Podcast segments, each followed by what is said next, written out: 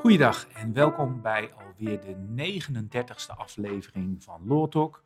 Mijn naam is Pascal Willems en ik zit hier met mijn collega Patricia Wijmans. Hallo. Goedemiddag Patricia. Ehm, ja, deze, deze Law Talk verschijnt dit keer op dinsdag, terwijl dat de trouwe luisteraars weten dat die op maandag normaal gesproken verschijnt. Dat kwam door gewoon wat planningsproblemen in onze agenda. Uh, ook wij zijn uh, druk momenteel. En uh, kreeg het helaas niet voor elkaar om deze uitspraak, die ik vandaag met jullie wil bespreken, om die op maandag op te nemen. Dus het is dinsdag geworden.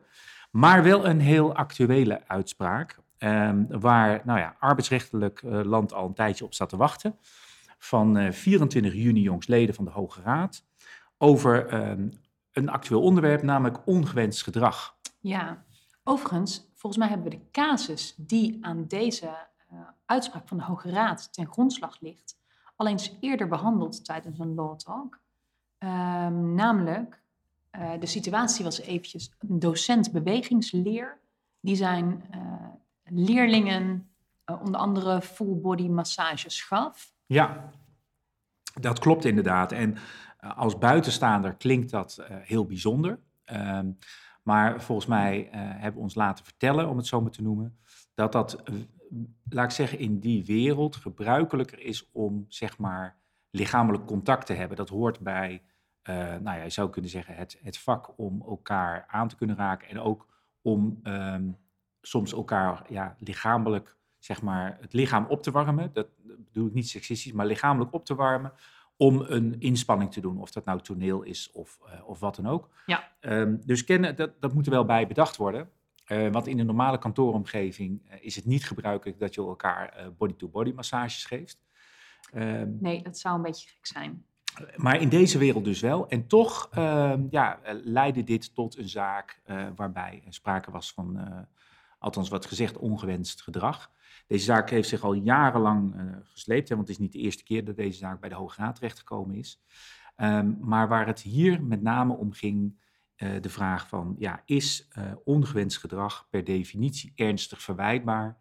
In die zin dat de werknemer dan de transitievergoeding verliest. Precies, want dat um, dit gedrag in deze situatie tot een ontbinding, tot een beëindiging van de arbeidsovereenkomst moest leiden, dat was in een eerder stadium al wel, uh, al wel duidelijk. Ja. Alleen, het ging hier om, ja, had deze werknemer toch nog recht op een transitievergoeding? En meer in het algemeen um, ja, gingen, gingen er wel geluiden op dat uh, de praktijk er wel bij gebaat zou zijn als er een, ja, als er een soort van algemene stelregel is. Um, ja, dat op het moment dat jij je schuldig maakt aan, aan grensoverschrijdend gedrag, dat je dan per definitie geen aanspraak hebt op een transitievergoeding. Ja, dat klopt. En uh, deze zaak was voor de tweede keer, misschien wel voor de derde keer bij de Hoge Raad terechtgekomen, voor allerlei andere dingen zoals ze hadden, uh, al zeiden. Um, maar dat was inderdaad de kernvraag. Kan je de stelregel doen, de vuistregel zoals ze dat noemen in Nederland, dat als je aan ongewenst gedrag uh, hebt schuldig gemaakt en de rechter heeft dat ook vastgesteld, dat dat als uitgangspunt is dat dat ernstig verwijtbaar is, tenzij tegenbewijs van de werknemer. Ja. Uh, en die vraag uh, lag voor. Wat vind jij daarvan, Pascal? Even los van wat de Hoge Raad ervan vindt, maar wat vind jij daar persoonlijk van? Nou, ik vind dat als je praat over ongewenst gedrag, daar heb je heel veel verschillende vormen van. Ja. En, um, uh, en het, is, het is ook in zekere zin subjectief. Dat hebben we ook bij alle zaken besproken. Dat wat voor de een uh, in de belevingswereld ongepast is, is het voor de ander niet. Dat maakt het niet minder erg, hè, want de stelregel is natuurlijk wel als het voor de ene ongepast is, dan is het per definitie ongepast. Maar waar ik dan altijd wel aan denk, is dat bij de dader, om het zomaar even neer te zetten, uh, de beleving anders kan zijn geweest. En dat vergt ook een beetje maatwerk. Hè. Hoe was, nou ja, dat zie je in heel veel uitspraken ook terug. Hoe was de cultuur binnen het bedrijf? Was er een knuffelcultuur? dan krijg je een heel ander beeld dan wanneer er een echte hele strakzakelijke cultuur was. Ja. En die omstandigheden maken dat het nog steeds bepaald ongewenst gedrag uh, bij een, een, een, ja, een andere persoon, noem het even het slachtoffer, uh, nou ja, ongewenst uh, is en dus niet toelaatbaar is. Of het dan altijd ook ernstig verwijtbaar is of gewoon verwijtbaar, want dat, dat kan natuurlijk ook. Daar twijfel ik een beetje over. Ja. Ehm, of je die vuistregel kan aannemen. Tegelijkertijd zat in de vuistregel natuurlijk ook wel de veronderstelling dat je dan tegenbewijs kon leveren. Ehm, ja, en je moet eerst natuurlijk de hobbel hebben genomen dat het moet worden aangemerkt als ongewenst gedrag. ja, En dus het is ook niet, niet zo dat, ja, eh, eh, stel eh, ik vraag jou mee uit en jij vindt dat ongewenst, dat dat dan al meteen tot ernstige verwijtbaarheid zou kunnen leiden. Je moet wel eerst die hobbel over. Ja, dat klopt. En, maar hoe verhou- verhoudt die hobbel als die eenmaal genomen is? Hè, want dan worden ook belangen gewogen. Ja, Hoe verhoudt zich dat dan tot eh, de mogelijkheid om tegenbewijs te leveren? Want jij hebt al als dader jouw argumenten naar voren gebracht. Eh, als slachtoffer of als werkgever noem ik het maar ook. Die rechter weegt dat en zegt, ja, ik vind dit ernstig verwijtbaar, tenzij je tegenbewijs kan leveren. ik vind het ongewenst. Het Ongewenst? is ongewenst. Ja, Ehm, en dan is nog de vraag, oké, is dit dus, hè, dan, is dus... Dan zou in mijn optiek de stelregel zijn, oké, dan is het ernstig verwijtbaar in beginsel. Tenzij de werknemer nog zou kunnen aantonen, de werknemer die dan in het beklaagde bankje zit, eh bij wijze van spreken, tenzij die nog kan aantonen waarom het in die specifieke situatie niet ernstig verwijtbaar is. Bijvoorbeeld eh, omdat er best wel een knuffelcultuur heerste eh, op maar het komen kantoor. die, komen die argumenten denk je niet al naar voren bij de vraag of het ongewenst gedrag is? Ja, Bij de ongewenstheid komt dat natuurlijk terug, want hetzelfde argument over de ongewenstheid, namelijk het is een knuffelcultuur.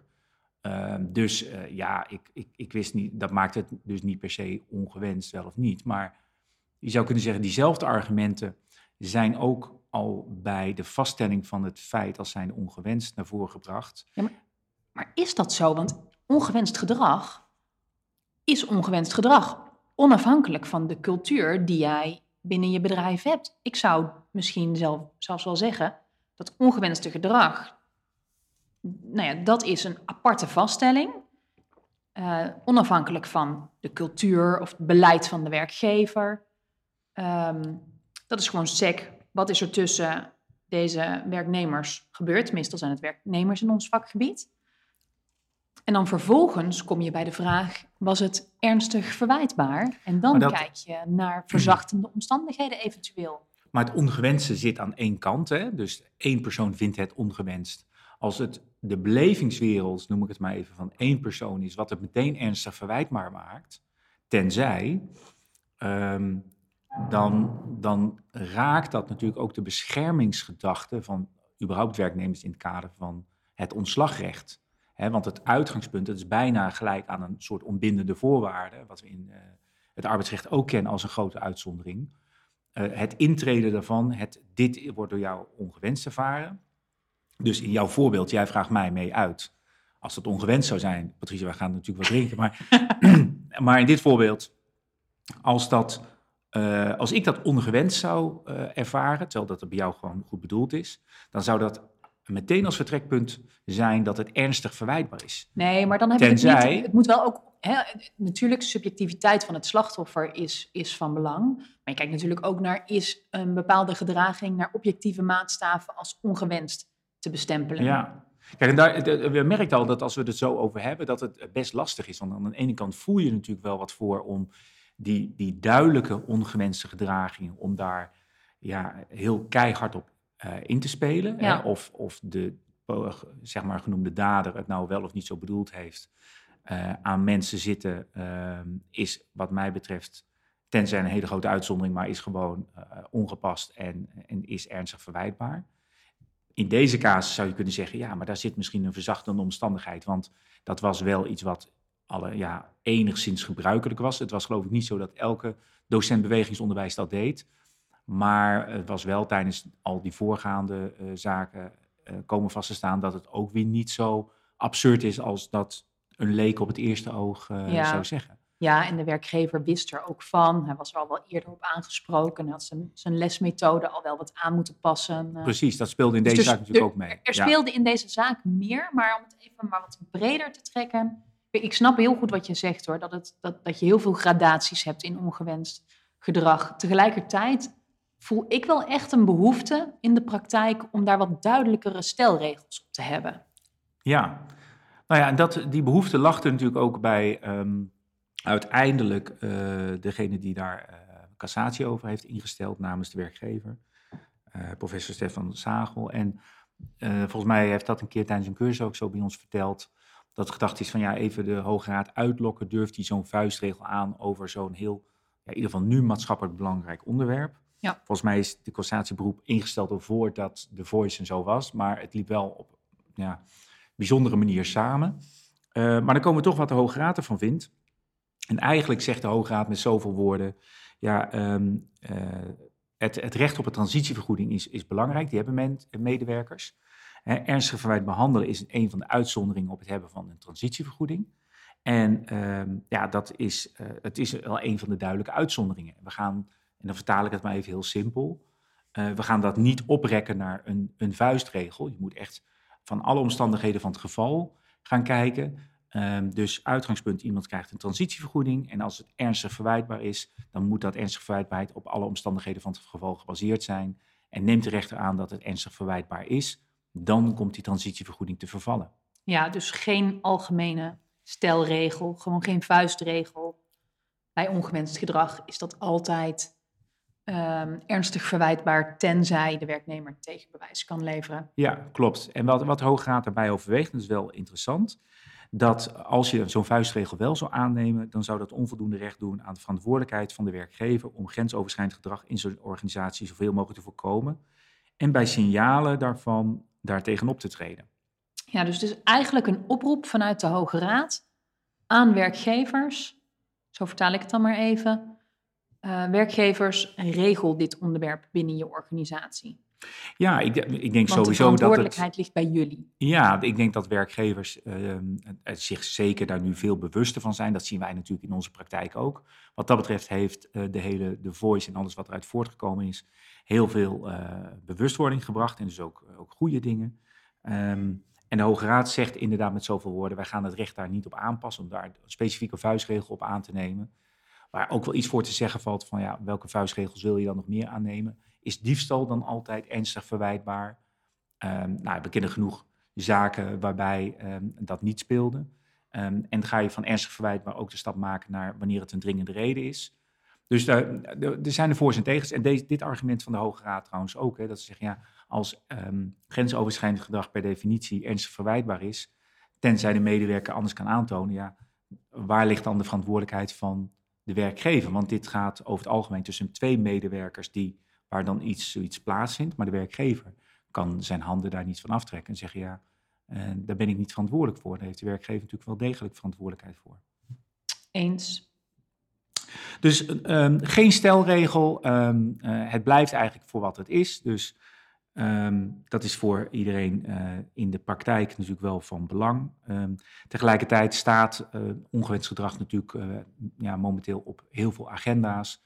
Um, en wij doen altijd de oproep om dat wat breder te trekken dan niet alleen ongewenst gedrag, maar kijk gewoon naar, maak ook bijvoorbeeld, dan kom ik toch weer met mijn stokpaardje, maar arbeidsconflicten als onderwerp van je beleid. ongewenst gedrag of arbeidsconflicten pestgedrag. Uh, het zijn allemaal dingen die in een organisatie waar mensen samenwerken kunnen gebeuren.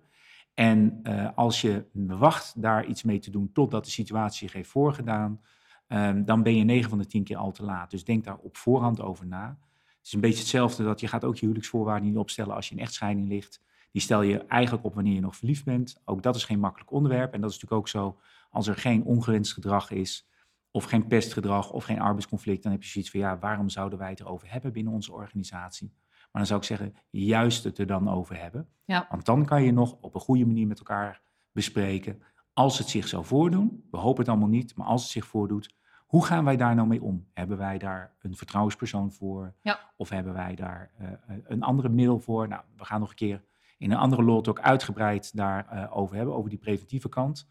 Uh, met name bij arbeidsconflicten omdat daar natuurlijk mijn, uh, mijn hobby een beetje ligt. Um, maar dat is denk ik wel, wel van belang om te weten. En dus zo'n stelregel uh, van de Hoge Raad uh, is er dus niet. Nee. En, en de praktische tip dus voor werkgevers, ga daarmee aan de slag.